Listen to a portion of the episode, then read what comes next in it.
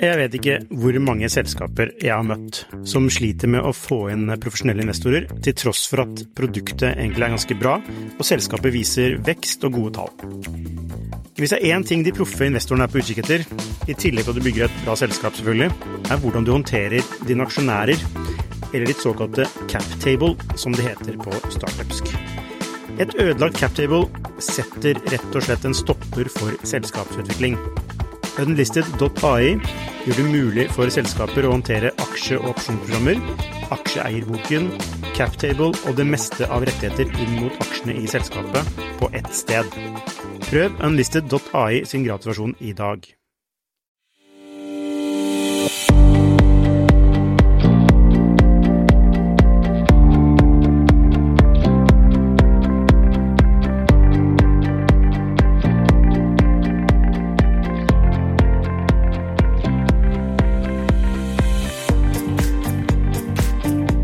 Hei og velkommen til Skifters podkast. Ukens gjester har vært en tur innom helvete. Fra en enorm topptur, høye verdivurderinger, eh, store markedsføringsbudsjetter, møtte de den eh, brutale virkeligheten da krigen brøt ut i Ukraina, og investorene fikk panikk i, eh, på våren 2022. Det har ført til en grundig gjennomgang av selskapet og en revolusjon i måten de jobber på. Nå er de på vei opp igjen fra den mørke dalen og er her eh, for å dele det de har lært. Velkommen, Bukkis, aka eh, Lasse Burjok og Arne Morten Wilhelmsen. Tusen hjertelig takk for det. Tusen takk for det. Vi hadde jo deres eh, CPO, som, altså Fredrik, innom en tur, og ga liksom litt sånn innblikk i hvordan altså produktfilosofi han jobber etter, og, og litt sånn hva og så din da innblikk i den nye strukturen internt i Bookis. Mm. Eh, så eh, Men kan ikke dere fortelle litt sånn Det gikk jo veldig bra i 2021. Mm. Altså sånn på papir, i hvert fall. Beskriv situasjonen etter den Dere hadde en verdivurdering på 150 millioner. og hentet, Hvor mye henta dere? 59,4, så nesten 60 millioner. Ja. Beskriv det fra, fra liksom rett i forkant av det, og perioden da frem til, eh, til eh, krigen? Ja, nei, det kan jo best beskrives som en karusell. Skikkelig karusell. Det var en uh, Vi landa jo en, en, skikkelig solid uh, siderunde som ble mye større enn den vi hadde tenkt til å, uh, til å sette sammen. Fikk mye vind i seilene. Det var jo en fantastisk eh, tid å, å hente kapital også. Det var eh, mye internasjonal oppmerksomhet, det var eh, nye fond, det var mye penger i omløp. Eh, så vi ga gass. Vi eh, ga full gass. Eh, og så jo et enormt potensial for å, for å ta Bukkis videre med sånn som kapitalmarkedet var, så det passa helt perfekt med vår strategi, som var at vi er nødt til å få volumet vårt før det her blir bra business. Så med mye kapital til stede, så betyr det at vi kan få det til fortere. Så det var det vi eh, ga gass på, og så på en måte tre veldig viktige sentrale forutsetninger for å komme videre herfra, var jo å lykkes med, med omsetningsvekst, lykkes med å få på plass et stjerneteam, og lykkes med ekspansjon videre. For å vite hvor vi skal videre, sånn at vi kan hente neste runde. Bare for å legge til hva Bookis er. Hva er Bookis? Mm. Altså, dere, dere, har sikkert pitcha dette 3000 ganger nå, ja. men hvis du skal pitche hva Bookis er, hva er det for noe? Vi, vi, sier jo på norsk at vi er en delingsøkonomitjeneste for eh, kjøp og salg av bøker. Så det vi prøver å eh, spisse oss inn mot, er jo det som på fagspråket nå omtales som recommerce. Det vil da si kombinasjonen av rubrikk og e-commerce, det blir til recommerce. Ja. Så det er jo det vi, vi driver med. Så det er, det er, en markedsplass for brukte bøker? Det er det. Mm. Ja. Enkelt sagt. Ja. Og, og, da Altså, hvem er da konkurrentene deres? Eh, våre konkurrenter er jo både på e-handelssida og på, eh, og på eh, rubrikksida. Så vi konkurrerer jo med sånn som Finn og Tice på bruktmarkedet, og så konkurrerer vi med de etablerte aktørene i bokbransjen eh, på nett. Hmm. Så vi har jo på en måte konkurranse fra begge sider. Det er jo sånn, sånn det markedet fungerer, da. For folk flest bryr seg ikke om boka er ny eller brukt. De vil gjerne ha historien, og den kan du finne både brukt og ny. Ja, nettopp. Så hvem er sånn typisk Hvem er, typisk, hvem er typisk Bookis-brukeren? Det, det er jo mange. Det, vi har jo Mm. mange segmenter. Det, vi har både studenter som er, bruker oss veldig aktivt. Vi har, eh, vi har eh, et segment av bokelskere som virkelig digger tjenesten. De? Finner jo bøker som de aldri trodde de skulle finne. De finner hardcover-bøker eh, som akkurat er utgitt til en brøkdel av prisen. Den ligger på nett, ikke sant. Mm. Og så er det barnefamilier med unger som har høyt omløp i, i bøker og leser på sengekanten og den slags, ikke sant. Mm. Så det er et ganske bred segment. Ja. Mm. Så de sier det, altså undersøkelsene viser jo at eh, 90% av befolkninga leser jo minst ei bok i året. Så i en eller annen form, da. Ja, nettopp. Ok, dere har henta masse penger. Eh, dere står på toppen av verden. Og Ja. hva skjer? Får dere ansatt de beste folka? Går det bra? Kortversjonen er jo at eh, vi kom veldig godt på vei. Vi leverte ekstremt bra omsetningsvekst. Vi fikk til slutt på plass eh, ganske mye rå folk i teamet. Eh, men så kom, eh, så kom inflasjonsbølgen i Europa, så kom krigen, og vi var ute og henta kapital, begynte å hente kapital i starten av februar. Fikk den der, eh, Akkurat da styrkene hadde eh, stilt seg opp på grensa til Ukraina, da var vi ute og hadde møtene. Og når det smalt, så sentimentet bare forvitra. Og vi fikk jo også litt sånn heads up egentlig før det, som vi deler i den artikkelen som vi har uh, delt på LinkedIn. Så, så ser du jo også at uh, vi fikk jo beskjed av enkelte investorer før at det var veldig sannsynlig nå at det kom til å bli uh, tøft. Hvor lang tid i forveien fikk dere den beskjeden? Nei, rundt en uke før det smalt. Ok, ja, det er ikke så du fikk vite et halvt år i forveien at det, det kommer til å Neida, nei, Nei. nei da. mm. Men, Nei, og da, men da, da smalt det, og da, eh, da var det bare én ting å gjøre, omstrukturere. Investorene brydde seg Altså, det gikk over natta, så brydde investorene seg om eh, helt andre metrics enn dem vi hadde optimalisert for. Mm. Så det er sånn, ja. ja, for dere var på hånda om det dere optimaliserte for, var vekst, omsetningsvekst, men det de ville ha da var Lønnsomhet, eller lengden av veien til lønnsomhet. mm. Så. Hvordan er det å få den i fleisen, nå, Lasse? Det er, som Arne Morten sier, det er jo en karusell, da, hvor du tror du Den starter før du vet det. plutselig er du på Japp Spaceshot eh, på vei til himmelen, men så skal den plutselig like fort ned igjen. Eh, og mm, da er det Vi viser jo til en, eh, en artikkel som, eh, som, vi, som vi leste i en tida, som, der de snakker om 'survival of the quickest'. Altså hvem klarer å tilpasse seg raskest nå? Og tilpasning i situasjonen her handler jo om å kutte kostnader. Eh, Og da er det Og vi er jo et selskap som alltid har vært opptatt av folka våre, sett dem først. Og når du innser på en måte at nå skal du si opp flesteparten, det er ganske mm, Ja, det er ganske brutalt, men så er det litt sånn Sånn er gamet, da. Vi, vi driver en bedrift, eh, så det er liksom derfor vi alltid sier vi er ikke en familie, vi er et team. Fordi familien sitter jo opp, de backer jo og er, er med alltid.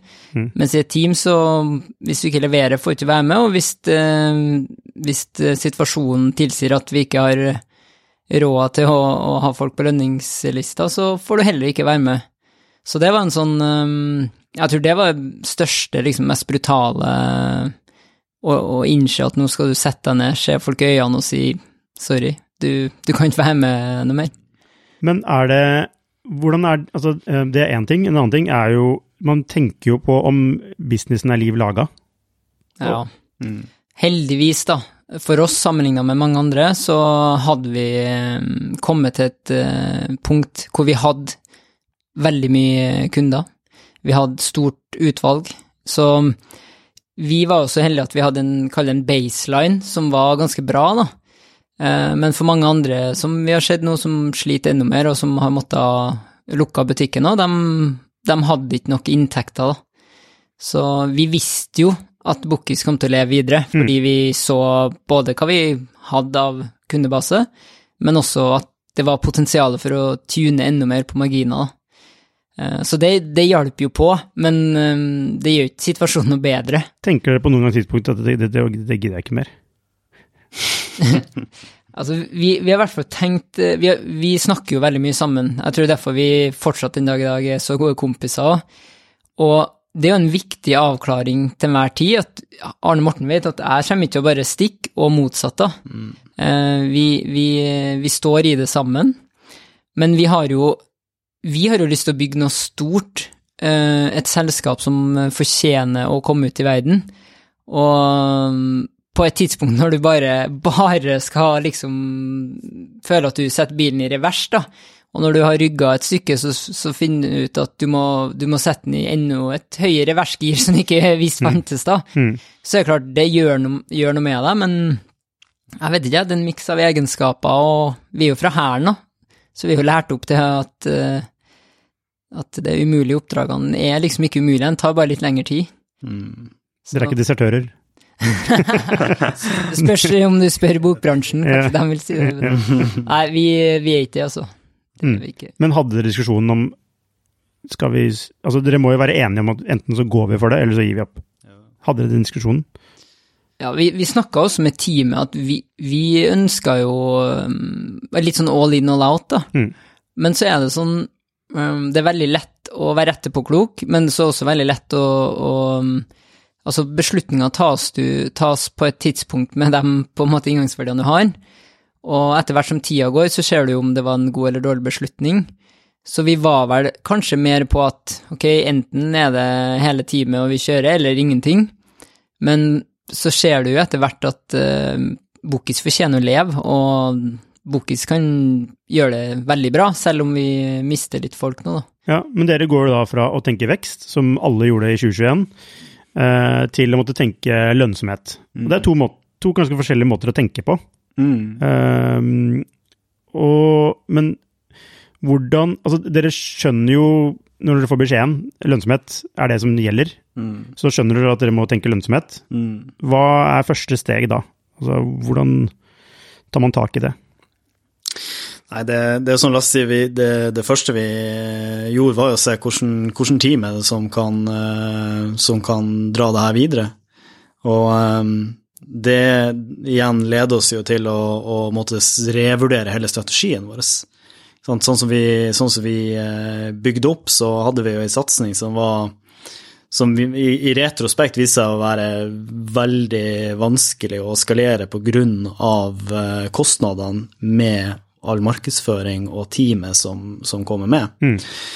Um, så det første vi, vi gjorde, var jo å, å, å se på strategien vår med nye øyne. Og eh, det her, vi tima det også veldig greit med når vi fikk på plass eh, Fredrik, som du har hatt eh, her tidligere. Han kom inn 1. april, og det var jo en drøy et par måneder etter han kom inn at vi begynte nedskaleringa. Mm. Um, så um, timing var veldig bra der. Vi fikk inn liksom et produkthode som så uh, Bookies med litt sånn utenfra perspektiv. Um, og um, var med i prosessen med å, å påvirke strategien vår. uh, og se hvordan vi skal greie å snu om det her til å faktisk bli noe uh, som er lønnsomt. Altså, uh, når ansatte dere han? Dere ans 1. april. ja, eller når, altså, han begynte 1. april, så dere ansatte han da tre måneder før, sikkert? da? Mm. Eh, ja. Like før jul, tror jeg. Ja, ikke sant? Og da visste jo ikke dere at dette kommer til å skje. Nei, nei, nei. Nei, januar, ikke sant, allerede. Vi var jo jævlig stoked, vi, på runden vi skulle race, og alt så jo bra ut. Vi hadde commitments, også soft, da, vel å merke, som, eh, som beløpa seg på nesten over det vi henta i forrige runde. Mm. Så Men hvis dere ikke Så det er liksom flaks? At dere fikk inn en person som måtte eller, eller tenkte dere allerede da at vi må bli mer produktorienterte? Altså vi, det vi visste, og, og det deler vi også i den artikkelen vi har, eh, vi har delt, er jo at eh, vi hadde en svakhet på tech-sida. Og det, det, det hadde vi med oss hele veien. Vi var klar over mange av de svakhetene vi hadde. Hva var svakheten der? Nei, svakhetene var rett og slett at vi, vi har ikke hatt eh, gode nok tech-koder inhouse som kan ha det nødvendige eierskapet til, eh, til det vi bygger. Fordi det vi bygger er liksom, det er proprietært, det er, alt er stort sett skreddersøm i løsninga vår. Så det, det, er ganske mange, det er ganske mange kontrollpanel å, å følge med på og, eh, ja, og, og holde ved like, i tillegg til at du skal bevege deg fremover. Så, så det er bygget på en kompleks måte som gjør det vanskelig å skalere, er det det, eller? Det største, største, største lesson learned er jo at vi, vi burde hatt med oss en, en tech founder fra dag én, ja. for å si det enkelt. Mm. Vi, eh, vi, har bygga en løsning som, eh, som er veldig bra på mange måter, men uh, den kompetansen og de, det nødvendige det eierskapet man burde hatt til teknologien fra dag én, det har uh, vi ikke hatt. Så når vi eh, henta kapital i 2021, så var det målet vårt å, få på plass mm. tech-talenter i tillegg til produkttalenter. Ja, fordi dere outsourca tech til utlandet, ikke sant? Eller ja. dere kjøpte inn tech, og da kjøper du det fra konsulenter? Ja, vi, har, vi, har, hatt med oss et ukrainsk utviklerteam siden 2017. Mm. Ja. Så um, de har vært med oss uh, mer eller mindre helt fra start. Ja. Så de har, uh, de, har hatt, uh, de har, jo hatt en viss eierskap til Bookies, men det har vært mange ting de siste årene som har gjort det vanskelig å samarbeide med dem. Krigen åpenbart det siste året, men før det så var det covid. Dessverre, vi, vi prøvde å liksom få til en kultur hvor vi skulle ha en, et tett samarbeid med dette teamet. Men eh, med covid så var det helt Jo, men du mangler uansett det strategiske eierskapet ja. eh, fra, en tekni, en, altså fra, en teknisk person internt ja, ja. i Bokus som kan ha en, en teknisk visjon, da. Yes. Som, ikke sant? For da, og ikke minst den sparringa som man får når man snur stolen rundt og mm. snakker med, med, de som har businessforståelsen, og liksom ser konteksten av alt. Så ikke sant? Når, det, når det blir sånn um, Det blir litt sånn vannfallstilnærming, da. Mm. Det blir veldig fort det når det er remote. Eh, Iallfall når, eh, ja, når hvor, vi jobber som vi gjorde. Hvor fort tar Altså, hvor lang tid tar det fra dere skjønner at dette At vi må bli lønnsomme, og til at dere må begynne å si opp folk? Eh, nei, det gikk jo ganske radig, egentlig. Eh, vi prøvde jo å hente denne runden eh, i 2022. Eh, vi fortsatte jo outreach helt til slutten av mars. Så det var jo i april at vi innså at eh, shit, vi, det her går ikke. Mm. Så, um, og da la vi om helt. og da, ja, da, gikk det jo ikke lange tida vi skjønte at vi kommer til å måtte nedskalere. Men eh, ja, det, det er en tøff modningsprosess det der, altså. Og så er det, det er noen faser det går gjennom, sant. Du har en sjokkfase. Litt av nøkkelen her, eh, sånn som vi så det, var jo at vi må spre de fasene utover, så ikke alle i selskapet går i sjokk samtidig. Så først må vi gjøre oss ferdig med den, vi to gründerne. Mm. Eh, og så må vi få med mm, lederne, men veldig tett på det så må vi liksom dra av plasteret ganske fort, da. Og det som var sjukt, var jo at uh, vi kjørte en runde på en mandag, da ting ble liksom ordentlig spikra på fredag. Mandag så informerte vi alle, og den lørdagen gifta jeg meg. Altså, mm. apropos berg-og-dal-bane, da. Mm. Det er bare sånn Min kone sa du kunne ikke valgt en annen uke å si opp folk på. Arne Morten var litt sånn Må du gifte deg uka her? Funny, da. Så um, det er bare um, Livet skjer, da. Alt mm. skjer på en gang. Hvordan klarte du å ha et ålreit bryllup? Ja, det vil jeg si. Ja. Det vil jeg også si. Mm. Så det var veldig Du klarte å være til stede i det? Ja, men Arne Morten og jeg er veldig god på det. Eh, å være eh, god til å koble av, og, og, men også koble oss på å ha fokus på én ting om gangen. Mm. Så, men hadde, hadde ikke den vi på en måte prosessert ting, så hadde det nok vært litt annet. Så, og vi hadde jo sånn som Maiken som, eh, som ble intervjua, hun var jo på vei inn, og på fredag så fikk vi landa ting, og mandag så hadde hun sin første dag. Mm. Hun, altså vi hadde gleda oss sånn, og det hadde hun òg. Kjem inn, og så må vi bare ta inn på bakrommet og si sorry. Altså det var bare så Altså det er bare helt absurd, da. Men så er det sånn, sånn er business, det er brutalt, da. Og um, det er en del av gamet, da. Eh, du må, du må, liksom stå i det, og det Ja, for det er, for det er kanskje ikke noen vei?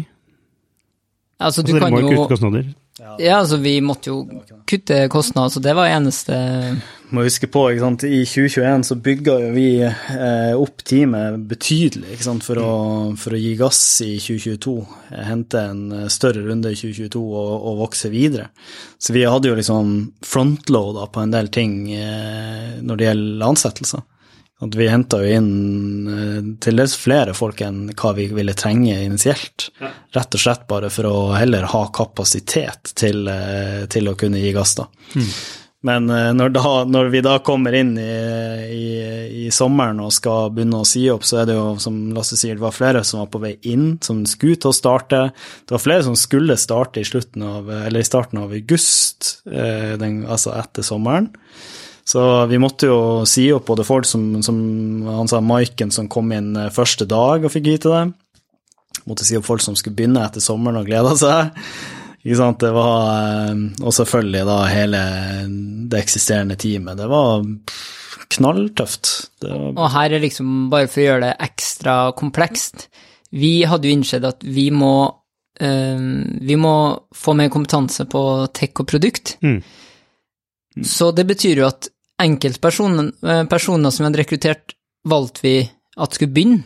Og da kan du tenke deg folk som har jobba i selskapet lenge, lagt ned masse eh, blod og svette, og så velger vi å, å si opp dem og permittere noen, og, men å ansette noen som vi ikke har jobba med ennå. Mm. Og ei, eh, ei som jobba til oss, sa at det var litt som at kjæresten gjorde det slutt, og så flytta nye damer inn før hun hadde flytta ut. mm. Og det er sånn That's life, liksom? No. altså, det, det, kunne vi sagt, men det, det, er, det, er, det er, jævlig tricky der, altså. Mm. Og det gjorde liksom alt bare enda mer komplekst, da. For du skal se Du skal ta vare på folkene dine her og nå, men så har du nødt til å tenke framover, da. For hvis, eh, hvis, du ikke gjør det, så går du på enda en en vegg, da. Mm. Så, og der hadde vi hadde lest uh, The Hard Thing About Hard Things, og der har han jo basically playbooken på en ryddig nedbemanning. Mm. Så den var veldig um, Ja, uh, shout-out til Ben Horowitz for uh, bra, bra, bok, for mm. den Altså, det var bare timinga med akkurat jeg leste den. Det var Ja, mm. virkelig. Så vi, vi prøvde liksom å finne finne en slags, et slags rammeverk å følge, da. Ja, den sier jo egentlig basically vær ærlig, da. Ja, en sier flere ting. Du må være ja, ryddig, mm. Eh, du må vise respekt, og så må du ha momentum. Mm. Når du først uh, beslutninga er tatt, så er det bare å få ja. det på. Mm, men det er noe med å være, sånn, være et menneske i det. Ikke sant? Ja. Være ærlig, og bare ikke, ikke pakke det inn og Altså, mm. folk er smarte, liksom. Altså, det er bare tydelig og ærlig. Mm. Det er kanskje litt sånn Ja. Det, det, det, er vanskelig, sånn, fordi vi, vi, som har en så åpen kultur, vi er veldig transparente. Alle skjønner mm. når vi plutselig sitter og snakker om ting på et kontor, så det sånn, ja, ja. ok, og da er det sånn, du må bare få det på så fort som mulig, men så må du gjøre det for raskt heller, for da ender det med at den ryddigheten blir en failure, og ja, det, det er som retrospekt, noen ting vi ville gjort annerledes, men vi har gode relasjoner nå til alle som måtte gå, og det er jo kanskje den viktigste syretesten, for om det ikke er et mål alltid, så er det i hvert fall eh, Det har gjort prosessen mye enklere at eh, alle som måtte gå, de tok det sinnssykt bra. Og det, det er en investering i kultur, ehm, og i kultur ligger jo også at vi, vi selekterer folk som har det riktige mindsettet. Og growth mindset er jo noe som har blitt brukt sikkert hundre ganger for mye, men den gjengen der, det var growth mindset på alle. Altså. De uh, tok det så sjukt bra. Mm. Og det må vi takke dem for. Apropos growth, vekst. Um, og altså Dere, som alle andre, eller veldig mange andre startups, levde jo i en slags virkelighet hvor det handlet om vekst og hente penger, vekst, hente penger, hente vekst Altså hente, ja. hente vekst. Hente vekst. um, og, men i det, altså tar man seg ikke tenker man ikke at liksom, dette er litt sånn feil også? Altså litt sånn, bare sånn, den underliggende Altså I gamle dager så skapte man jo business, det var lønnsomhet, da. Man liksom, ikke sant? Og så bygde stein på stein. Og nå er det liksom den der hyperveksten som har blitt sånn der, var absurd, altså på et toppunkt i 2021. Kjente dere ikke på at det var, liksom, det var noe feil ved det? Det er lett å være etterpåklok, da, men, men, men Veldig lett å være etterpåklok. ja, men, eller var man bare, bare inni den bobla om at ja, Nei, jeg tenker um, det, Man må være pragmatisk i forhold til det markedet man er i, og de mulighetene man har. ikke sant? Man er jo i en konkurransesituasjon også. Og um, eh, står det mellom deg og en annen eh, aktør som skal inn i det samme markedet, hvordan velger du å spille med de spillereglene som nå er på, mm. på banen? Ikke sant? Det er det, det som er perspektivet vi, vi sto i i 2021. Og vi ser her nå at ok, vi har eh, Kapitalet er veldig tilgjengelig. Det er mulig å gi, eh, gi gass nå, og det er veldig stor sannsynlighet for at vi greier å race enda en bra runde på det her. Da kommer vi til å få en skikkelig dytt i riktig retning. Og med det produktet vi har og hadde da, så handler det jo om å komme opp på et nivå på volum. Sant? Er vi på, er, kommer vi opp på et eh, godt nivå på volum, så, så flyter eh, businessen av seg sjøl, ikke sant?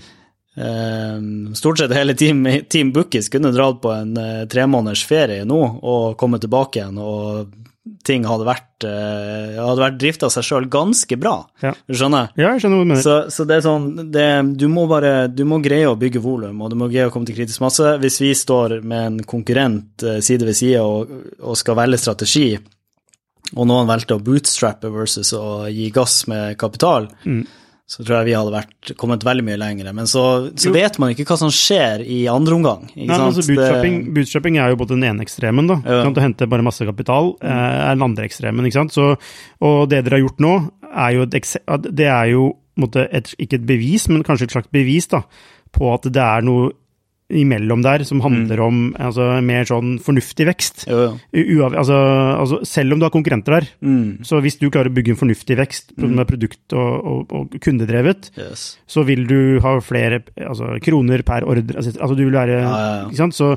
så det er jo noe altså, Så det, det er jo noe som var feil med det ekstreme med hente penger, ikke sant? I hvert fall, dere har jo, dere har jo gjennom endringene i organisasjonen, så har dere jo dere s- implisitt sagt, eller eksplisitt sagt Ja, ja. det. Og vi har reflektert masse rundt det her, og, og det er jo mye av den læringa vi deler i den artikkelen. Men Ja. det, det som jeg bare vil poengtere her, er jo det at man, eh, man står ved et beslutningstidspunkt, som Lasse sa i stad. ikke sant? Vi, du vet ikke hva som skjer fremover. Nei. Du har de inngangsverdiene du har der du står. Så um, det at vi ga gass og satsa, det er vi jævlig stolte av, og det kommer vi til å gjøre igjen når lampen lyser grønt. Og det, det er vel kanskje det som er essensen her, da. Det var en del lamper som kanskje var oransje, men som var i blindsonen vår. Og det har vi lært veldig mye av de siste to årene. Vi er veldig mye mer klar over hvilken lampe som skal lyse grønt, Ja. for at vi skal gi gass igjen. da. Så med, liksom, med å ha et produkt som, eh, som er mer modent og mer spissa fokus, og med å ha mm, mer fokus på å hente ut marginer, um, så er det litt sånn Det ville vi nok eh, helt klart gjort, så du er inne på det med hybriden. Men hvis du er ute og seiler et uh, reis i Oslofjorden her, og du ser alle får sinnssykt god vind ut på sida, det er litt risiko kanskje ned her, men skal du bare se alle seile fra deg? Det er, sånn, det er veldig lett å være etterpåklok, da. Og vi var enige om at skal vi få til her, så må vi tørre å gi ordentlig, ordentlig gass. Og da vet vi at det er noen hårfine marginer mellom stang inn og stang ut, fortsatt stolpen, men forskjellen er om du vinner eller Men taper. skal du basere deg på vind, eller skal du bygge en motor? Da helst vind, da, for å ha Ja, Spørs. Nei, men eh, du er, du er. Du er inne på en veldig, et veldig godt spørsmål her, og masse nyanser, men essensen er jo det at uh, når, når du skal skalere, så må du først ha naila produktet ditt. nail before scale. Det er den enkle takeawayen, så det, det var sentralt her, i at vi uh, ikke lykkes. Og så er det sånn timinga der vi plutselig fikk brudd i, i, i kapitaltilgangen, var jævlig dårlig. Altså, det var bare enkelt og greit. Jævlig dårlig. Er- Synd, men sånn ble det. Du får det du måler, da. Fordelen med det er at du går all in på det. Ulempen med det er at du går all in på det. Og hvis du da, mm, hvis du da har mm, litt feil fokus, så kan du dra veldig raskt av gårde mm, og komme ganske langt. Så det med, mm, det med å ha de lampene Arne Morten snakker om, det er den, ja, som du sier sjøl, nail before scale, det, det høres så opplagt ut, men eh, når du står midt i det, så var det mm, Så virka veldig logisk. Men dere, jeg, jeg vet på at dere er de best beleste gründerne på all startup-litteratur. Altså, altså, hvis jeg trenger et boktips, så kan jeg bare snakke med Altså, dere har jo ørten ting. Altså, jeg spurte om strategitips, og da var det sånn Ja, disse bøkene eh, burde lese, da. Eller ikke sant. Altså, Lean Startup lærte dere i barnehagen. Så, så, så, det, så, det er noe med det, ikke sant. Skjønner, jeg vet ikke om dere skjønner hva jeg, hvor jeg vil, men det er, som, det er noe med at dere, liksom liksom, dere kan teorien så jævlig godt. Mm. Og den sier jo liksom Den er jo litt sånn der, den er jo, den er jo nail before scale. Mm. Ja. Nei, det- Og, og hvordan, hvordan havna det i blindsonen deres? Jeg tror nå Du har barn. Har du to? Jeg har to Ja, så vi har ikke barn, men eh, jeg tror du kan sammenligne veldig godt med det å ha barn, for du kan lese ganske mye og forberede deg på å få barn, og du kan til og med se mange rundt deg ha det. Mm. Så får du barn, og så er det praksis som er Du må bare lære det. Mm. Og så får du barn nummer to, så tenker du jeg har jo hatt et barn, så jeg kan bare gjøre det samme. Så bare, oh, shit, jeg må gjøre ting ganske annerledes med barn nummer to. Så jeg tror dere Du kan lese så mye du vil, og det selvfølgelig hjelper på, og det å lære av andre sine feil òg, men når du står midt oppi det, så er det noe med å få den erfaringa, altså. Så Og det er faktisk et veldig Det er en ting vi har tenkt på, bare sånn Hvis vi hadde skrevet en overfladisk artikkel, så hadde det vært sånn å ja, er ikke det her lean det er derfor det er så viktig at vi dykker ned. Altså, det er jo det, det devil is in the detail, da. Um, men jeg tror Ja, det er sikkert mange som tenker "Ko- Leser ikke dere den boka? Men når du står midt oppi det, Mm. så er det um, viser seg at det er ikke alltid så enkelt, altså. Mm. han, Jeg har en sånn teori om at alt egentlig er enkelt. Eh, det vil si, hold det så enkelt som mulig. Eh, keep it simple. Og uh, mens, mens livet, eller alt rundt, drar deg mot det komplekse. Mm. Eh, så det liksom handler om, altså, kamp, det handler om kampen Mm. for å holde seg, i- holde seg med det enkle. Ja. Jeg er, jeg er enig i det. Men det er jo, det er jo Jeg er 100% bak det Lasse sier. Altså, så er det jo de blindsonene, da. Mm. Det er jo det som er farlig. Det er greit nok at du kan kanskje bli bedre bevisst gjennom å lese og på en måte være litt mer klar over noen sånne åpenbare blindsoner. Men uh, som du sier, verden er, er kompleks, og ethvert scenario er annerledes. Så det, det er det er bare gangen i det, rett og slett. Blindsoner vil alltid være der. Mm. Ja. Ok, så dere um, sier opp uh, Hvor mye er det? 53% av staben? ja Ca. 54% av selskapet, da. Rett skal være rett. Uh, um, og eh, Fredrik går i gang med en sånn eh, introspektiv runde, hvor han går gjennom og Fortell om det. Hva, hva ser han på? Bare en kommentar før det. Vi, vi har jo en onboarding hvor du bruker første måneden på å, på å forstå og bli kjent med selskapet, med kulturen, med produktet, måten vi jobber på, eh, måten vi kommuniserer på, og så kommer feedback, for det er en veldig fin måte for oss å lære på. Eh, og så en veldig fin måte å unngå at eh, vi bare ordner et samlebånd, sånn at etter en måned er du helt lik som alle andre. Og så er det også en fin måte for den ansatte å ta litt initiativ. Så det er liksom det er en del av onboardinga. Um, så kan Arne Morten si litt om hvordan Fredrik løste den onboardinga. Mm, ja. Nei, ehm, det, ehm, det var en, eh, et skikkelig dypdykk i kundene våre, i å forstå produktet vårt, eh, utgangspunktet vårt. Og, og ehm, det han kommer ut eh, etter en drøy måned med, er jo et ganske sånn hard-hitting eh, konklusjon som, eh, som blir tatt veldig godt imot av oss, fordi vi er jo også klar over at vi har noen grunnleggende problemer. Men eh, det å få satt skikkelig fingeren på det, og med noen som på en måte kommer fra en bakgrunn hvor han har jobba veldig mye med prosess og har store ambisjoner sjøl for, for prosess, så passer det veldig bra. Kjøpte dere alt han sa? Eller var det diskusjon om ting? Nei, altså det er jo mange ting vi har eh, Det er mange ting som det liksom finnes nyanser av, men hovedkonklusjonene, ja, det vil jeg si. Fordi Så dere var kanskje desperat på utkikk etter det svaret? vi trengte noen som, eh, som eh, ville, ville se riktig retning videre, eh, og som kunne være med på å danne den retninga, rett og slett. For vi visste jo at det her er ting vi må ta tak i, men eh, hvordan, og altså hvorledes, det, det var ikke vi helt eh, Det hadde ikke vi eh, grunnlag egentlig for å måte mene noe veldig faglig om, da. Vi selvfølgelig ville jo håndtert det, jeg og Lasse, men eh, Fredrik kommer jo fra en, en bakgrunn hvor produktledelse er liksom et fag han har virkelig fordypa seg i. Så han eh, kom jo med mye bra eh, erfaring og kompetanse som ble delt, Mm. som var veldig verdifull på det tidspunktet. Og det var også viktig for En ting er jo å påpeke noe, som kan være veldig lett, men så skal det gjennomføres. Mm. Og det var også en um, Fredrik var riktig person til å, å gjennomføre det sammen med oss. um, nettopp fordi han har vært gjennom lignende prosesser før, og fordi han er helt besatt av produktledelse, da, og et selskap. Så det ga oss den roen og tilliten altså, som vi trengte, da. Og da, det er klart, da får du også litt driv oppi det også, fordi om du er i en fase hvor du da sier opp folk som er tungt, så er det også noen lyspunkt der. Så det hjelper også veldig på motivasjonen vår, det er det ingen tvil om. Mm. Men gjennomføring er jo noe dere er gode på, da. Det må man kunne si. Ja, vi føler oss eh, trygge på det, og det følte jo Fredrik òg. Mm. Hvis ikke eh, Altså, når han la fram den baseline-analysen og liksom tiltak han anbefalte, så måtte jo han jo ha tillit til oss, at vi eh, trodde på det, og at vi hadde gjennomføringsevne.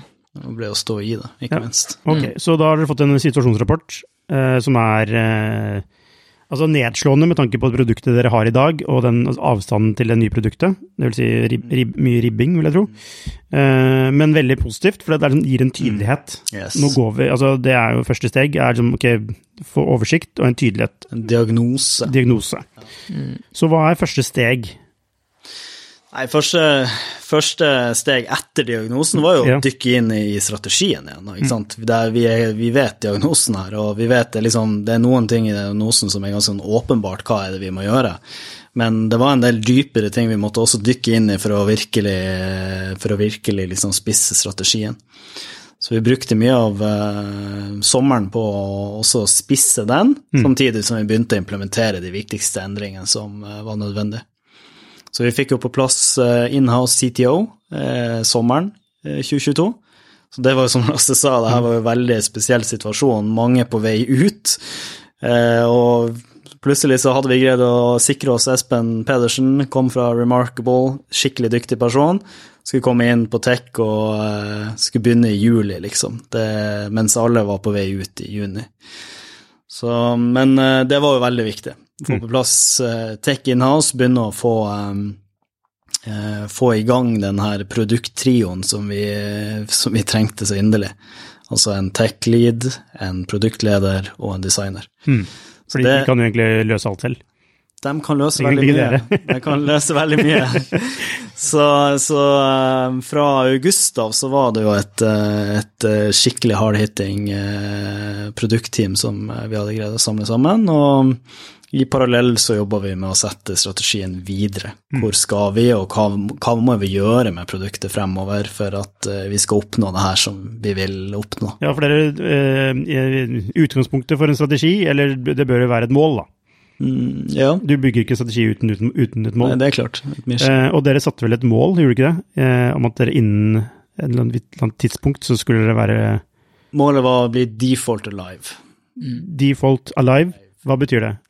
Nei, det så ligger jo bare at uh, du skal klare deg uten kapital, uh, rett og slett. Det var målet vårt. Mm. Men dere hadde en sånn nedtelling dere ikke? Sånn konkret en klokke. ja, den tikker fortsatt. Den tikker fortsatt. Når er når, Hvor lang tid frem fra i fjor? Det er 77 dager fra i dag. Ja. og 420 fra når vi satte strategien. Sy- 77 dager fra i dag. Så om to Er det to måneder? To, Midten eller slutten av august. slutten av august så er dere alive. Det er fortsatt målet, ja. Ja, hvordan ligger dere an? Vi har gjort utrolig mye bra endringer, Mm. eh, som vi deler med, i den artikkelen igjen. Jeg refererer vi mye til den artikkelen. Men eh, det, det, er mye, det er mye læring der, tror jeg. Og um, vi har iallfall prøvd å dele mye. Men det Det som er fortsatt gjenstår, det er å, å greie å få det her produktteamet som vi, som vi sitter med, til å uh, bli lønnsomt med bare ett marked. Mm. Det er vanskelig.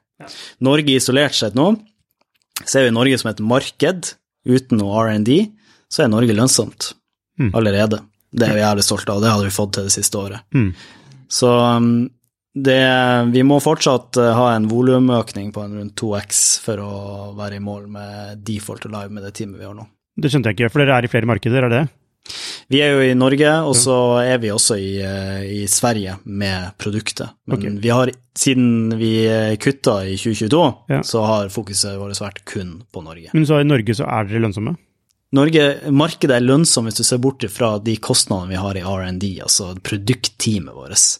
Så i strategien vår så er jo for, for å få Bookings lønnsomt, så kommer du til å ha flere markeder. ikke sant? Vi Ja. må ekspandere. Ja. Og et marked isolert sett, da ser vi på ok, hva er bruttofortjenesten vår i måneden, hva er de kostnadene som vi skal attribuere til det her markedet. Ok, Og det er sånn support, markedsføring, og så er det det. Ok, se- se bort fra, altså hvis man ser bort fra hovedkontoret, liksom? Yes, eh, så det, korrekt. så det, så det er jo ikke lønnsomhet sånn sett, da? Det er det ikke, men eh, det Ja, Som men, eh, sagt, men- 2x volum, så er vi der. Så ikke sant, ja, så det bare, det skal, hvis du skalerer det videre, så blir det lønnsomhet etter, hvert. Yes. Ja, og så kan vi tune marginer òg, da. Så det er liksom men på dagens nivå. Så Mm. det er liksom Dere har hatt en, hatt en vekst i, i um, inntekt per ordre, Mm.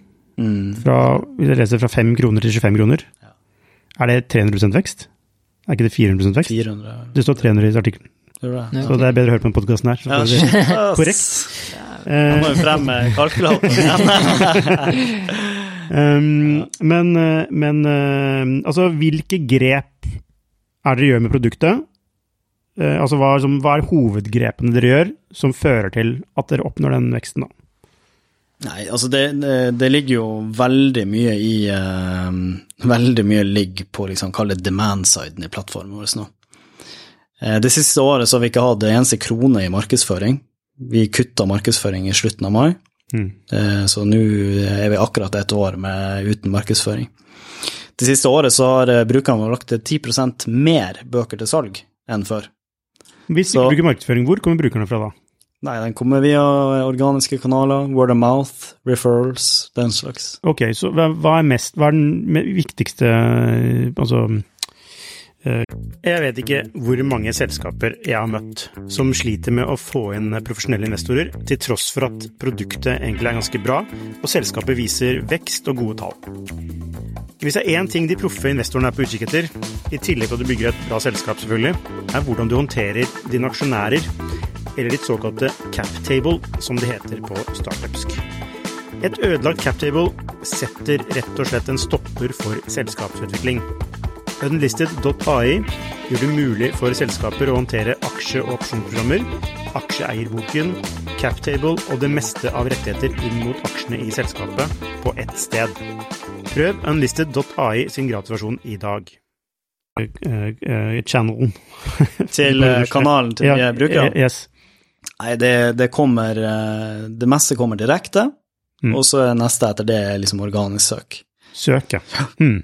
Folk finner oss eh, via søk. Gjør dere noe spesielt Har dere gjort noe med, har dere gjort noe med det, med søk? Ja, det har vi. vi eh, det, har, det ser vi på som en veldig viktig kilde til trafikk, åpenbart. Og det utgjør den liksom, nest største kilden til trafikk på Bookis. Så i eh, et av de største grepene vi har gjort nå, er at eh, vi har lagt om hele tech-plattformen på web til eh, et nytt rammeverk, NextJS, som, som statisk genererer pages til, til disse crawlerne til Google. Mm. Og det har gitt fantastiske økninger i posisjonering på SEO. Så det er et grep som har økt trafikken vår betydelig fra, fra fjoråret. Men så, så, så dere har byttet ut, kall det markedsføring, eh, penger, Mm. til å bruke det på utvikling av dette, yes. som genererer da organisk trafikk? Det kan du si, det er jo ett av flere tiltak som vi jobber med, som vi vet vil eh, kunne drive frem demand-siden, altså etterspørselssida på plattformen. Så da kommer kunden inn. Hvordan er det annerledes? Så det vi jobber med på plattformen, når folk har kommet inn, det er å gjøre opplevelsen eh, bedre enn den er i dag.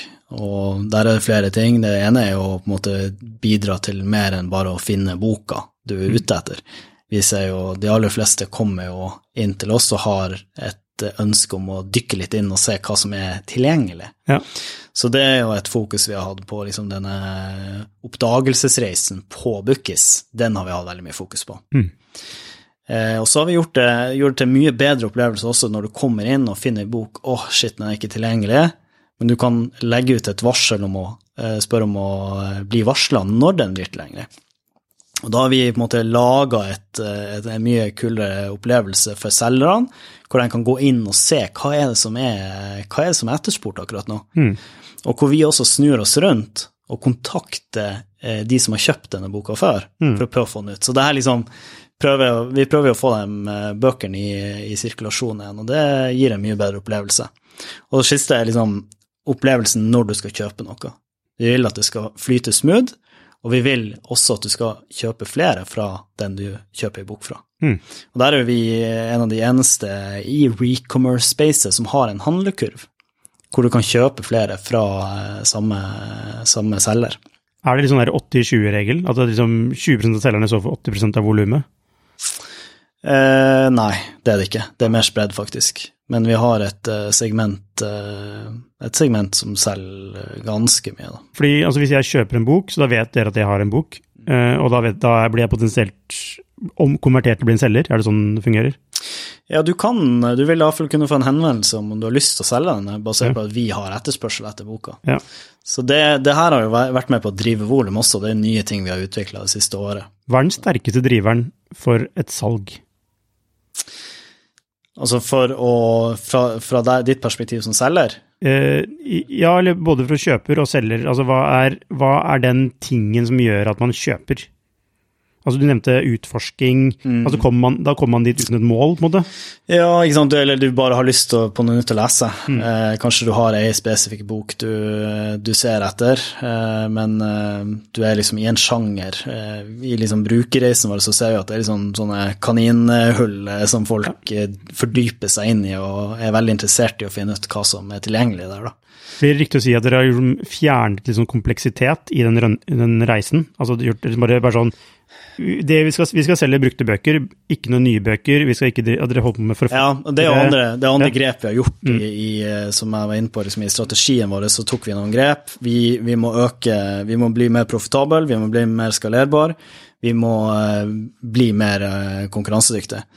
Og mm, i skalerbarheten så så vi jo det at nye bøker det ga oss veldig lite i form av profitabilitet, men det økte veldig mye kompleksiteten i det vi drev med. Så det kutta vi til høsten, eh, påfølgende etter eh, denne omorganiseringa, eller ja. Det blir jo et tydeligere verdiforslag hvis det er brukte bøker.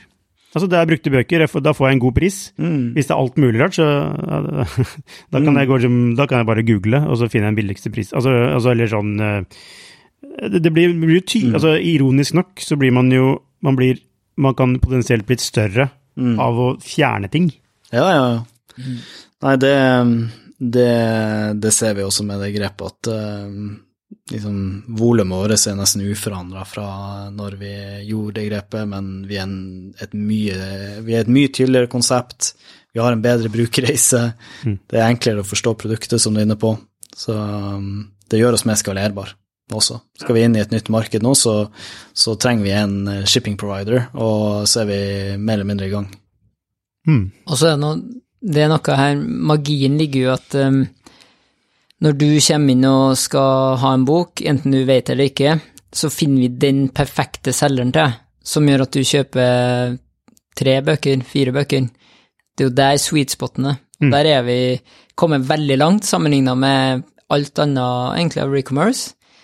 Og så har vi også um, ordentlig klart å knekke koden med å få antall Hvis du tenker antall transaksjoner, så har du, kan du velge å møtes, eller velge eh, gjennom vår betalings- og fraktløsning. Mm. Der er vi jo på 90% av transaksjonene går gjennom betalings- og fraktløsninger. Altså det, det, er sånn, det er så høyt, da. Altså at man ikke går Man gjør det ikke direkte, men man gjør det Gjennom gjennom, oss, det, dere. Mm. For i- hvis man gjør det direkte, så, så går ikke noe Ja, da har ikke vi mulighet til, å, mulighet til å hente ut noe margin eller den, fordi da skjer det over VIPS eller whatever. Så vi har, vi har liksom Vi har knekt noen skikkelig vanskelige koder nå, og nå handler det om eh, å få opp det volumet spesielt på etterspørselssida, da. Altså på, på kjøpersida. Få inn trafikk. Mm. Altså få inn, få inn brukere. Brukere av trafikk. Ja. Ja, fordi det vil jo Altså, det er jo egga Hva er det? Egga? Høna og egget. eh, altså, altså, du må jobbe med både høna og egget. Ja. Eller sånn, det var kanskje feil. ja, det, det Kakan først. Ja. Ja, ja, ja, nei. Men altså, Ja, bare ikke det som et sånt sitat.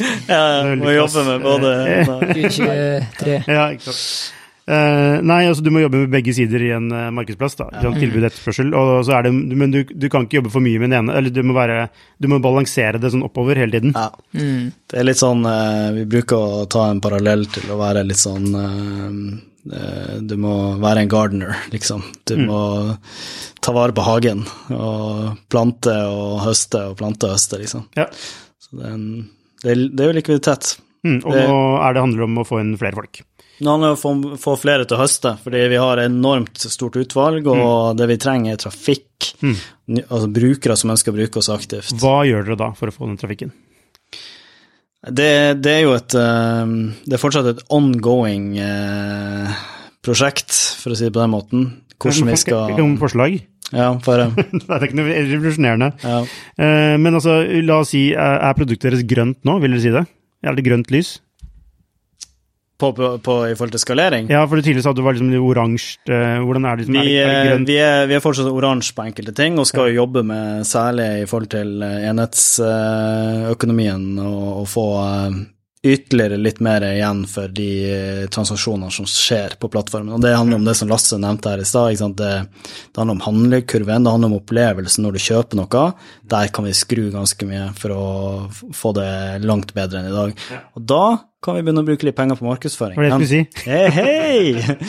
Så det er jo viktig for oss å komme i gang med det på et tidspunkt, men, men eh, det blir jo en helt annen skala på det nå når vi kommer i gang, og, og det blir eh, en kombinasjon med mye mer eh, growth hacking og, og den slags, da. Nettopp. Det er en ting som vi hoppet glatt over, som jeg glemte, beklager det, er jo det som dere nevnte før sending, at vi, dere kunne svare begrenset på. Men det er jo dette med investorsituasjonen. Eh, det, jeg husker jeg bare sjekka tilfeldigvis Bookies et eller annet Var det i fjor? Så så jeg at Chipster Venture var største eier. Mm. Eh, Så tenkte jeg det er jo ikke et bra tegn. Eh, og det Hvorfor er, ikke? Nei, altså At en, en ekstern investor er største investor, Mm. er jo ikke nødvendigvis og da, da tyder det på altså Det er ikke i seg selv nødvendigvis, men det er et tegn da, på at øy, hvem er det som sitter på eierskapet. Og det var, noe, det, var jo noe dere fikk bekrefta også i møte med investorer, blant annet dere nevner jo Snø eh, Venture, Yes. eh, som ønsket at eh, founders skal sitte igjen med 50-60 uh, og du, til nød, for Series A Ja. eh, så bør du ha um, til nød 40-50 kunne gå med på det. Yes. Eh, men dere, dere lå på rundt 30. Mm. eh, 29, vi var det. Eh, altså, Til sammen oss to, ja. ja. Eh, så det hadde en lav, lav eierandel blant de som faktisk skal bygge selskapet. Mm.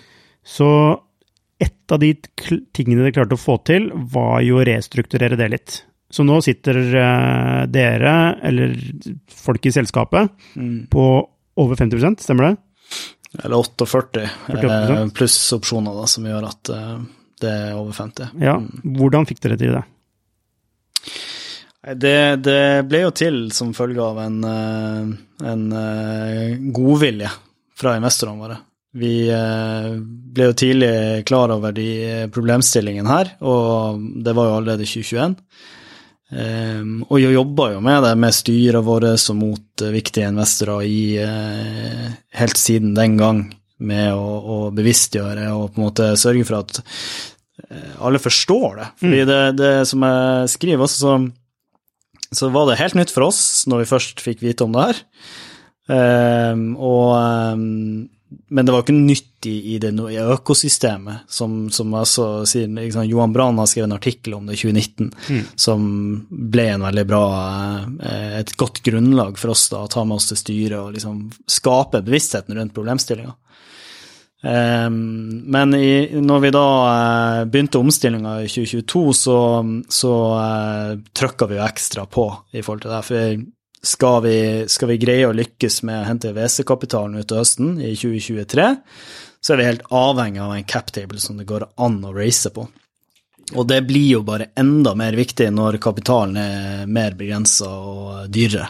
Ja, og, men bare sånn kort fortalt, hvorfor er det viktig Hvorfor er captable viktig, altså med tanke på altså disse internasjonale investorene? Altså hvorfor er det viktig med en sånn captable som kan, man kan såkalt race på, da, eller hente penger på. Hva, hva er ja. Skal jeg gi deg en utfordring? Ja. Lag en podkast på det. Få inn noen VC-investorer som kan skikkelig dykke i det her, fordi mm. det her er jo dem best å svare på. Ja. Men fra vårt perspektiv og det vi, har, det vi eh, kjenner til i problemstillinga, er jo at eh, WC-bransjen prøver jo å standardisere til en viss grad eh, de ulike rundene og hvordan man posisjonerer seg i en reise på å hente kapital. Mm. Eh, fordelen med det er at eh, du får mye mer synergier mellom land også, da, på hvordan kapitalen flyter. Enklere for en amerikansk investor å sette seg inn i et norsk selskap hvis du hører at du skal raise en Series A mm. eller en Series B. og når man da også snakker om denne type standardisering, ja, så blir det også standardisering på liksom, hvordan ser et selskap ut i disse fasene. Mm. ikke sant? Så um, det er jo eh, Fondet har jo valgt å strukturere seg opp da etter hvor de investerer, og etter de ulike fasene, gjerne ganske sånn ganske strikt. Mm. Eh, og et fond sin forretningsmodell er å selge videre det som er porteføljen på et eller annet tidspunkt. For å selge videre porteføljen så vet man jo at man må abide by the rules av dem som skal kjøpe senere. Mm. Så da, da, blir det jo eh, Da må man jo være strikt i forhold til hvordan man investerer, for å sørge for at man har en attraktiv portefølje mm. når man skal selge igjen. Så det gjør jo at du blir mindre attraktiv som en startup hvis du har valgt å gå utenfor reglene til, eh, til VC-ene. Da er du ikke aligned med deres interesser? Nei, da, og du, og du har jo valgt å på en måte sette deg sjøl i bøtte med, med, startup som blir avvik fra deres uh, porteføljeregler. Mm. Og det gjør jo at du får bare mindre sannsynlighet med å, å få kapital. Mm. Så ja. Dette er jo litt sånn ukjent for meg også, faktisk. Mm. Eh, og, og, det er jo Altså Jeg vet ikke om jeg altså Det er sikkert noen som ville arrestert meg nå på noe av det jeg sier, men det, ja. Men det å vite dette her er jo verdifullt, er det ikke det, for startups? Ja, veldig. Det vil jeg si. Veldig verdifullt. Og mm, det er liksom Den risikokapitalen skal ta ned risiko. Det er klart, er du Noen selskap vil alltid være attraktivt, av en eller annen grunn. Ja. Eh, men for massen så er det noen spilleregler, da. Mm. Så ja, det, det her er noe som vi har fått kjent på kroppen. Og den artikkelen til Johan er veldig bra, han var veldig tidlig ut. Kanskje fordi han har vært rundt omkring i USA og kjent på mm. hvordan gamet, game funker. Mm. Så så, ok, så det som skjer, er at dere får restrukturert dere på eier, altså aksjonærsiden, mm. som gjør dere mer spiselig i et mm. framtidig investeringsløp. Ja. Er det riktig beskrevet? Mm. Eh, det er eh, Schibsted Ventures som kommer med forslag til en sånn løsning. Mm. Eh, hva, hva, er løsningen der? Nei, altså Alle detaljene kan, kan vi ikke dele i, i, denne konteksten, men det ble til en deal som, som løste seg veldig bra. Hvor vi fikk en skikkelig founder-friendly løsning på problemet. Mm. Som gjør at jeg og Lasse er godt insentivert, og vi har kunnet insentivere det teamet som nå er med oss videre, helt sånn men. Men betyr det sånn, hvis, hvis, dere skal få, altså hvis, eier, altså, mm, hvis gründere og ansatte skal få økt eierskap, mm. så betyr det at noen kanskje får redusert eierskap, da. Mm. Så er det det man foreslår? At man balanserer den vekten? Ja, det er jo det. Så mm, det, det er noe som uh, må bli til gjennom uh, at aksjonærene er med på uh, dugnaden. Ja, og man kan jo si da, fra Skipsteds side, for at de skal kunne ha en exit, så må jo de til rett, bidra til å legge til rette mm. for dette. Ikke sant. Yes. Og ikke minst mm. opsjonalitet. ikke mm. sant? Det, I det selskapet på en måte har, eh, har eh, begrensa attraktiviteten sin, mm.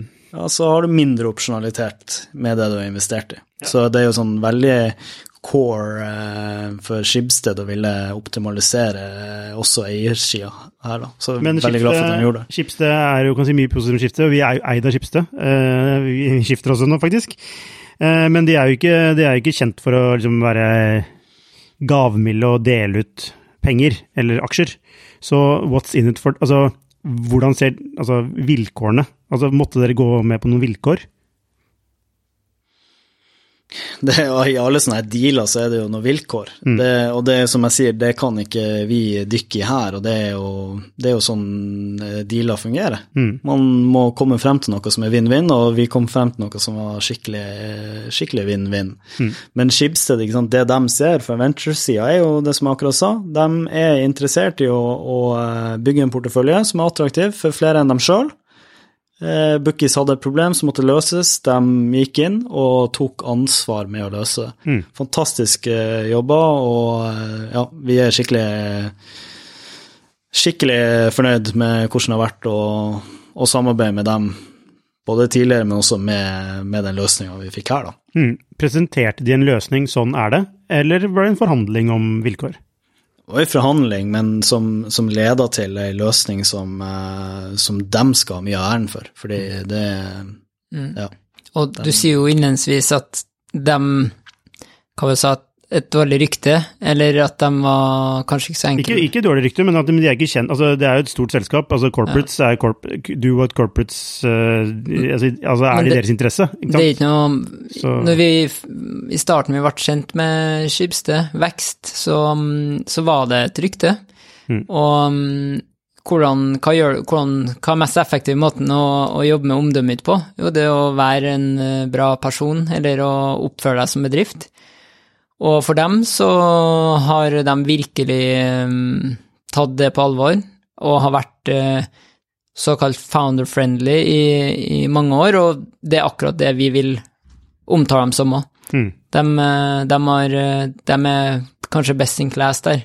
Og det handler ikke om å være naiv eller dum, det handler om å se det store bildet, da. Mm. Og det er jo det som um, ja, noen må gi fra seg, eller man vannes kanskje litt ut, men du vil jo da heller få en, en bit av en stor kake enn at du enn at det aldri blir noe kake. Sant? Mm. Den klassiske der, da. Mm. Det er jo um, Det er lett å si at det er no-brainer, men ja, det var ikke en selvfølge at det skulle gå i orden, men det, det har det gjort, da. Så det må vi bare ta hands down til alle, at de er med å optimalisere for at vi vi også har eh, flere dører åpne nå. Mm. Mm. Ja, bedre å eie en bit av Manchester City enn å eie hele Lillestrøm. Spørs hvem du spør, tror jeg. Men... ja, det, det men ja, akkurat nå tror jeg den stemmer bra. Mm. Ja, nei, altså det, dette er jo altså, ja, Som sagt, vi er også en altså, Vi er jo vi eide Skipsted. Og jeg har jo selv vært i forhandlinger med Skipsted, og, og jeg vet jo at det er jo ikke de kom, det første tilbudet, eller det første som er på bordet, er jo ikke nødvendigvis founder-friendly.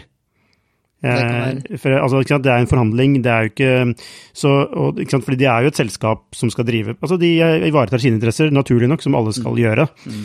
Eh, men det, når du sikter til omdømmet for skiftet, så, så, så, sikter du da til den Snap Sales-saken, ikke sant, mm. som var svært og slått opp. Ja. Uh, men der har de også gått De har også vært liksom Der har de faktisk gått tilbake Altså, de har jo sagt at det ikke burde skjedd. Mm. Eh, de har vært åpne med den prosessen der. Men folk, ikke sant eh, altså Det er utrolig hvor, hvor elefantminne en del folk har. fordi fortsatt en dag i dag møter mm. vi folk som, som, sitter med den saken i mm. hodet enda og tenker Skipsted, det må dere passe dere for. Jeg tror alle sier det, men alle tar imot penger fra Schibsted. ja, det kan du si. Altså, det er rart det er den mest ikke aktive investoren, eh, ikke sant. Eh, Så ja, det er riktig. Eh, Det er lett å kategorisere sånn. Mm. Og, men, men, men altså Men jeg tror ikke de har noe problem med deal flow. Det tror ikke jeg heller. Nei. um, Ikke Og det burde de ikke ha heller, som vi sier. Ikke sant. Um, så, ok. Dere har, dere har nå 77 dager, var det det, eh, igjen til eh, Judgment Day. Eh, men dere nå planlegger dere da en ny runde, basert på de resultatene dere har fått til. Eh, hvordan beskriver den prosessen fremover nå? Eh, nei, det, det vi gjør nå Vi, eh, vi, vi er jo i en, en fase hvor vi er, er veldig stolt av mye av det vi har fått til nå det siste året. Det har vært en ekstrem omstilling for oss. Eh, vi har måttet gjøre det på kort tid. Vi å måtte gjøre det med nye folk inn, samtidig som eh, mange gamle folk ut. Eh, omstrukturere produktet, legge om en hel tech-organisasjon. Det har vært helt enorme endringer som har gjort at eh, det også har vært vanskelig å, drive produktet frem i denne perioden, fordi det har vært så mange strukturelle ting som må fikses, rett og slett. Så egentlig det siste halvåret at vi har begynt å, å virkelig få ting til å skje i produktet. Så vi har vært litt forsinka i prosessen vår sånn sett, og um, igjen, det er jo læring, da. At uh, vi, Eller vi måtte jo være ambisiøse her på Default Alive. Vi er nødt til å komme, komme Default Alive, men der vi står nå, så vi trenger mer tid. Vi trenger mer tid, vi må forbedre produktet ytterligere noen hakk. Mange positive ting som har skjedd, og som gjør at vi har en mye bedre forutsetning nå enn før. Eh, Vi må planlegge for eh, å komme oss eh, videre, for Norge er ikke det eneste markedet vi skal være i. Og vi ser eh, noe veldig spennende potensial i Europa nå med det skalerbare og mye mer profitable produktet vi har eh, nå. Når det er forbedra ytterligere utover høsten, så mener vi at vi har eh, veldig gode forutsetninger til å kunne igjen ut og vise at Bookis kan bli en eh, milliardbedrift i Europa. Fordi det kan vi. Det er eksempler der ute som er veldig inspirerende å se på, sånn som Vinted, litauisk eh, bedrift som eh, lykkes med å, å eie klesvertikalen i Europa. Blitt huge i, i, i Tyskland og Frankrike. Nå er de på vei inn i Norden. Vi lærer masse av, eh, av dem. Så um, det er veldig inspirerende for oss, og vi vet at Bookies kan bli Vinted for bokvertikalen. Er det, er det nye slogan? Be winted for Bokfestivalen? Det, det er ikke vårt slogan, for å si det sånn, men det er, jeg tror det tegner et bilde av hvor vi vil hen. Dit skal vi. Ja. Eh, altså, mm, dere satte jo et mål om disse 420 dagene, eller hva. Eh, og det viktigste med det er å sette et mål. Det er å sette en retning. Eh, de fleste Altså, det som er garantert, da, tenker jeg, sånn når dere setter det målet, er at det, det kommer ikke til å havne på det. Altså, det er umulig å forutse hvor man vil havne hen. Men det å ikke ha et mål altså, Du kommer mye lenger ved å ha et mål enn ikke ha et mål. Altså, det er min læring fra det dere sier nå. At du, du får, da får du riktig altså, retning på alt, eh, versus det å eh, Altså, men det handler ikke om å ha rett. Eh, Men selskapet kan jo være default alive i, i midten av august, men da betyr det at vi tar bort skalerbarhet og, og defensibility, sant? Vi, vi, har nødt, vi kan ikke bare si ok, nå skal vi være med i, i OL-finalen i å ro, fire stykk. Vi sparer penger, så vi stiller opp med to. Da er det sånn, ja, du er med i finalen, men du har jo ikke sjans. Altså, det er ikke noe vits å møte opp engang. Mm. Så det er sånn Man kan nå et mål, eh, i tilfellet her òg, men det er veldig sånn kortsiktig, da. Så som du sier, det viktigste er å sette en krystallklar retning, jobbe på, da blir det mye lettere å prioritere, spesielt hva du ikke skal gjøre, da. Det som er kult med det vi er nå, Bookis er, Bookis er et produkt som eh, folk elsker. Eh, Vi ser det allerede i eh, Vi åpna jo opp for crowdfunding nå, eller for å melde interesse nå i går. Mm. Og eh, i løpet av, eh, i løpet av en ettermiddag så, så er 1000 brukere signa opp for å ville investere i det her. Mm. Så det er, jo, det er jo veldig kult å se at det er masse engasjement, og det er mange som Alle vil at Bookie skal eksistere. så vi skal crowdfunde? Vi skal crowdfunde. Ja, er det kjent? Eh, blir kjent i hvert fall. Det blir kjent nå. så, så greia at vi, vi ønsker jo å, å ha mm, Altså timinga Vi har snakka om det hvert år. Men hva gjør det med, hva gjør det med captablen, da? Der er løsninga nå hvor du får SPV, altså du får egne selskap du samler dem i. Så det, er- det er et ekstra, en eierpost, og der inni puttes dem. Så sendte vi ut en e-post til brukerne våre og mm, spurte hvem er interessert. Eh, Ordna en landingsside, og bare i løpet av noen timer så hadde vi over 1000 stykker som bare kjører. Så det er sånn det å, det å få med seg der vi er nå, hvor vi, hvor vi er såpass organisk i alt vi gjør, det å få med seg brukerne som eiere, det, det er mange som har spurt om det, og det tror vi også er veldig sunt for, for selskapet i veien as we go, da. Altså Dette med crowdfunding er jo litt sånn delt eh, når jeg snakker med ulike folk. Eh, på den ene siden sier mange ja, det egner seg veldig godt for B2C-produkter, eh, og hvor du har fans osv. Og de er en del av det, og det styrker at det er liksom bra utover pengene. Det er nesten bare sånn du kunne gjort det ut, uten å tjene, tre, trenge pengene. Ja, ja. Fordi det liksom skaper ambassadører, da. Yes. Uh, og så er det andre siden, som er, sier at ja, men det er sånn last resort for uh, selskaper når de ikke klarer å hente penger hos uh, vanlige investorer, så går det til crowdfunding, og det ødelegger cap table, altså aksjonærer. Nå nevner du da sånn SPV, sånn single purpose vehicle, der det står. Mm. Eh, hvor du kan, kan samle det. Men, men altså, det er mer knot, da. Ikke sant? Du, da, har, liksom, du har, du har, da er det sånn da sender ei, eierne, i anførselstegn, kan sende deg mailer på alt Altså det er mye overhead-arbeid, da, kan mange si, da. Mm. Har dere tenkt gjennom for og imot dette med, med crowdfunding? Masse, og vi kjenner jo masse folk som har crowdfunda, så vi har jo Vi vet jo uh, from the horse's mouth uh, hvordan det er. Så alt fra Northern Playground, som vi gjorde i fjor, og Auk, som gjorde det i år, og Firi og Firi og og Ja, det er masse Vi har snakka med mange. Mm. Har dere playbooken for å lykkes? Det må vi svare på etter vi har closa. Ja, men, men tror dere at dere har den? altså, vi har en playbook nå, Ja. det kan vi si. Hvordan ser den ut? Hva, hva, hva må dere naile før en crowdfunding? Som, altså for nå er det, dere, dere, er jo Ja. sånn, dere går i sånn research-modus Ja, ja. og finner ut den perfekte. Altså, hva, hva har dere lært? Så, så blir, kan vi spennende å se hvordan det går. Da. For det første så mm, bør du bruke tre, mm, tre til seks måneder, mener mange, altså Mm. forberedelsene med klar. Um, uh, men det, det um, kanskje viktigste suksesskriteriet er at du har nærmere 50% commitments i det du åpner. Mm. Det er liksom noe av det viktigste, og at du prøver å gjøre det litt trangt i døra, og um, klassisk FOMO. Uh, Men jeg tror det aller, aller viktigste er jo at du har noe som du står inn for, og som, eh, som er bra. Altså, vi har et produkt som er bra for kloden, altså både sosialt, men også klima- og miljømessig. Eh, For, en forbruker å få være, ta en del i det, det, det merker vi. Det vil veldig mange, da. Men eh, vi, vi kan eh, Siden du sier det. Altså, For det er så mange som sier det der. Og det er ikke derfor dere starter Bookis. Hva da? Fordi at det er bra for kloden.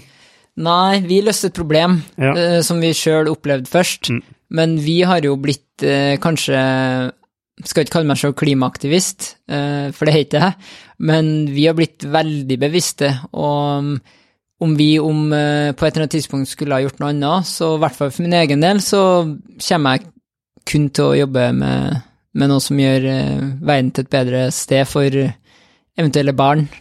Det, mm, det høres klisjé ut, men det, det er jeg 100 på. Ja, det er veldig mange som snur startupen sin til å være sånn impact. Ja. Eh, Selvfølgelig kan man, man kan liksom jeg, jeg, jeg er jo enig, for det er gjenbruk, det er, ikke, det er ikke noe galt i det, men det er jo bare sånn det, Jeg vet ikke. Jeg føler det blir så brukt mye av altså Nå opplever jeg en voldsom eh, mange e-poster fra startups som Ja, ja. skal selge inn ting, Ja, Ja. men, men det er så Ja. Um, ja, det er klart, det, det er en det er litt sånn ja, bærekraft, du har eh, maskinlæring, og så har du kunstig intelligens. blockchain. Blockchain. ja. Så du, du har rett i det, og vi kan være ærlige på at når vi starta, så var det for å løse et problem, og ikke for å redde kloden. Men så ser man etter hvert eh, hvordan, eh, hvor vi er på vei. Så ja. Vi skal avrunde. Ehm, jeg lurer på, altså av denne prosessen her, hva er det liksom hver av dere, altså én og én, eh, hva er liksom det viktigste du, dere henter ut av den prosessen dere har vært gjennom? Hva er, liksom, hva er den, den største lærdommen du sitter igjen med? Begynn med deg. fra hele, hele den reisen. Mm. Nei, det, det, det aller viktigste, det, det tenker jeg er um, de tingene vi ville gjort uh, annerledes, og de tingene vi ville gjort igjen, Mm. tenker jeg. Jeg tenker, altså, det- ting du lurer annerledes, men det er jo basert på at du har erfart det, ikke sant? Ja, ja. Men det var, jo- det var jo, samtidig kan man si at det, det var de rette beslutningene de, dere tok der og da. Ja, ja. Men, men annerledes, da mener jeg vi, vi, eh, Da mener jeg liksom eh, Hvis vi skulle gjort det igjen, Ja. ikke sant? Hvordan, eh, hvordan ville man helst ha, ha gjort det i en ny kontekst, da? Ja, men har du lært, har du lært noe både strukturelt, ikke sant, rundt hvordan du tar en beslutning, versus at det er sånn, dette, Nei, enk, enkelt og greit så er det, så er det liksom noen erfaringer vi har gjort, oss som er liksom viktige lessons learned. Og, og en ting som er helt sånn soleklart, og som Lasse også helt sikkert blir å si, det er jo eh, det å investere i kultur, investere i folkene deres. Det er utrolig verdifullt. Fordi det, det betaler seg på alle mulige måter. Mm. Må du gjennom noe tøft, så betaler det seg, og er du på riktig retning, så betaler det seg. Så det var sånn Det er utrolig Da har vi liksom fått sett verdien av skikkelig, fått syretesten av det. Um, og så er det jo selvfølgelig masse ting vi ville gjort annerledes, og vi er jo inne på flere av de tingene, men det, det blir jo fort klisjé, da. Det er jo, det er jo nail den scale, ikke Ja, sant? mm. Det er den fokus på, på eh, også ha sterkere fokus på lønnsomheten eh, tidligere. Det, det, er, det er mulig å ha, å ha flere ting man måler enn bare en North Star metric. Mm. Det, ja, det, så det er vi Det er vi også veldig bevisst nå, at det liksom du, du, må, du må være klar for snø i juli også. Mm. Det er litt en altså investorene. Magne og co. Ja, det, ting kan snu jævlig fort, og nå har du, i hvert fall- har, du, har, du, eh, har du et mindset hvor du har liksom, litt som idrettsutøver tenkt igjennom de scenarioene og liksom iallfall forberedt deg godt på det som, eh, det som kommer eh, og kan komme, bare som mentalt, eh, så, så løser du de utfordringene på en mye bedre måte. Men det er kanskje det mest sentrale Ja. er vel navnet. Absolutt. Lasse, nå har du fått litt tid til å tenke, i motsetning til Arne Morten. Ja, nei, vi, vi har jo tenkt veldig mye på her, så vi er jo align på både hva vi ville ha gjort likt og annerledes. Så det er egentlig det Arne Morten sier, men det i det med Det ligger et, det ligger et ledd som før å bygge kultur, det handler om seleksjonen seleksjon av hvem du tar med inn i selskapet. Der, der har vi en veldig strikt prosess, eh, og det er nok også en ting vi skulle ha fortsatt med. Hva kjennetegner denne prosessen? Nei, det er du i tvil, er ikke du i tvil, da tar ikke vi deg inn, og vi målet, du får det du måler, målet er ikke å fylle opp et sete, målet er å løse et problem på lang sikt. Mm. Hvis målet er å fylle opp et sete er veldig lett, da kan du ta den beste dårligste i runden. Mm. Men når målet er å, å løse et problem og, og gjøre det på sikt, så, så er det vanskelig å få jobb til oss. Um, så det er en Det er jo fine prinsipper, men det er jo vanskelig i en setting hvor du faktisk trenger folk. Vi har vært knallharde på det. Ja. Altså, vi trengte flere folk, vi brukte lang tid, Um, både på kundeservice uh, og på um, helt til, kalles CFO. Brukte lang tid. Vi skulle gjerne hatt det, men vi, det har vi bestemt oss for at vi, det skal vi aldri slekke på kravene, for det er en kortsiktig beslutning. Ja, jeg kunne ikke vært mer enig, fordi at kostnadene ved å ansette feil er så enormt høy. Altså, det Ja. Det er slitsomt og krevende, og det er bare helt feil. Og mens vi snakker om ansettelse, så er det jo veldig core det som vi nevnte også tidligere, at uh, skulle vi starte, skulle vi starte på nytt, så skulle vi hatt med en tech co-founder fra dag én. Okay. Det Men så er det Ja, ja. en ting til her, da, og det er um, Vi, vi torde å, å gi gass, da. Og vi, det skulle vi gjort igjen, men med litt andre, på litt andre premisser, hvis du skjønner. Ja. Det å, det å tørre å satse, det, det, det skulle vi lett gjort igjen. Mm. Eh, men um, med Hvis- noen nyanser. altså, når du sier det, så altså, tørre å satse, lett gjort igjen. Altså, det skal jo ikke være lett, ikke sant? Det er liksom Altså, mot skal jo være vanskelig. Mm. Det ja. eh, ellers er det ikke mot, men da er det jo bare du er crazy. Du er fartsgal. ikke sant? En som hopper fallskjerm, jeg blir ikke redd for å hoppe fallskjerm, selv om Ja. mange er crazy. ikke sant? Eh, Så, så det er noe derre Er det ikke et poeng at det skal være vanskelig å, sats, å gå all in? Jo, og Men for oss så er det Jeg tror liksom i, i hele veien her så har vi vært veldig gode til å ja, stille oss det stoiske spørsmålet hva er innenfor og utenfor vår kontroll. Mm. Og det er jo um, veldig enkel og banal øvelse, men som gjør etter hvert at uh, det er ganske enkelt å prioritere tankekrafta di, ja. Mm. Um, men det å gi, det å gi um, full gass, uh, når jeg sier det, så betyr det at vi, vi, tør, å, vi tør å satse, da. At vi ikke safer den for mye. For da, da kommer du aldri, tror jeg i hvert fall, til å lykkes med å bygge noe stort. Du, det er litt uh, um, en, en eller annen Formel 1-fører sa um, If everything's under control, you're going too slow. Et eller annet. Det er sånn ja. Du skal være litt sånn wow, shit, i svingene, nå. Mm. Så ja. Det viktigste der er bare at når du gir gass, så må du være trygg på at lampen er grønn. Ikke sant? At, at hjulene Det var mye F1, Ja. eh, mye Formel 1-referanse her, da. Mm, jeg følger med på P5. Nei. Nei, vi eh, gjør ikke det. Har ikke TV hjemme engang. Men det, det jeg ville Altså, den artikkelen vi har skrevet nå, er det er en grunn til at den er lang, og det er en grunn til at vi dykker dypt. Det er fordi hvis ikke så hadde du bare Altså, det blir stating the obvious, da. Men mellom linjene så ligger det noen detaljer som eh, du ofte må oppleve sjøl, da. Og det vet jo du sjøl som gründer. Det, det er stort sett eh, masse overraskelser, men veldig få positive. Altså, det er ikke sånn, Jeg hadde Birger Magnus på besøk i denne podkasten. Han sa at, eh, som, eh, eh, at alle, gjør, alle gjør feil, eh, selvfølgelig. eh, mens de beste av oss lærer av eh, de feilene. Eh, nei, altså, de flinke av oss får lære av feilene man gjør selv, og de beste av oss lærer av feilene andre gjør. Mm. Og det, er jo, det ligger jo noe i det, ikke sant? Eh, og det, men det er vanskelig å lære av andres feil. Altså, den, det du lærer selv, det lærer du. Altså, nail before scale, skal jeg love at er, dere har lært det, liksom. Ja, så er det, det veldig situasjonelt, sant. Ja. Det merker vi på mye av rådene vi får. Fra, alt fra tidligere gründere til investorer, så er det sånn Ja, men du, du gir oss noen råd basert på um, helt annet makroøkonomisk bilde, helt annen bransje, eh, altså helt annen an kultur for seg. Det er sånn Men finnes det noen universelle råd? Overordna gjør, det- Altså, gjør det nail jo before scale, er det universelt? Ja, det tror jeg er ganske universelt, altså. Ja, ikke sant? Eh, ta vare på folka dine. Eller, eh, altså, er det universelt? Nå nikker du, Arne Morten. Ja. Men, eh, ja. Nei, det er ganske universelt, altså. Så det handler om å prøve å identifisere disse sannhetene. Altså, kan, kan du gjøre noe med ting du ikke har kontroll over? Altså, eller kan du ikke det? Altså, mm. Altså, det er sånn, hva er, hva er spesifikt, ikke sant? som er situasjonsavhengig, eh, og hva er sånn overordnet prinsipper som du må tro på, da. Ja. Ikke sant? Eh, Det er jo det Men det er jo, det er jo en grunn til at uh, altså det, det investeres jo mer i uh, andregangs-, tredjegangs-, fjerdegangsgründere enn i førstegangsgründere. Og det er fordi vi mennesker er skrudd sammen på en måte som vi er, biologisk. Ja.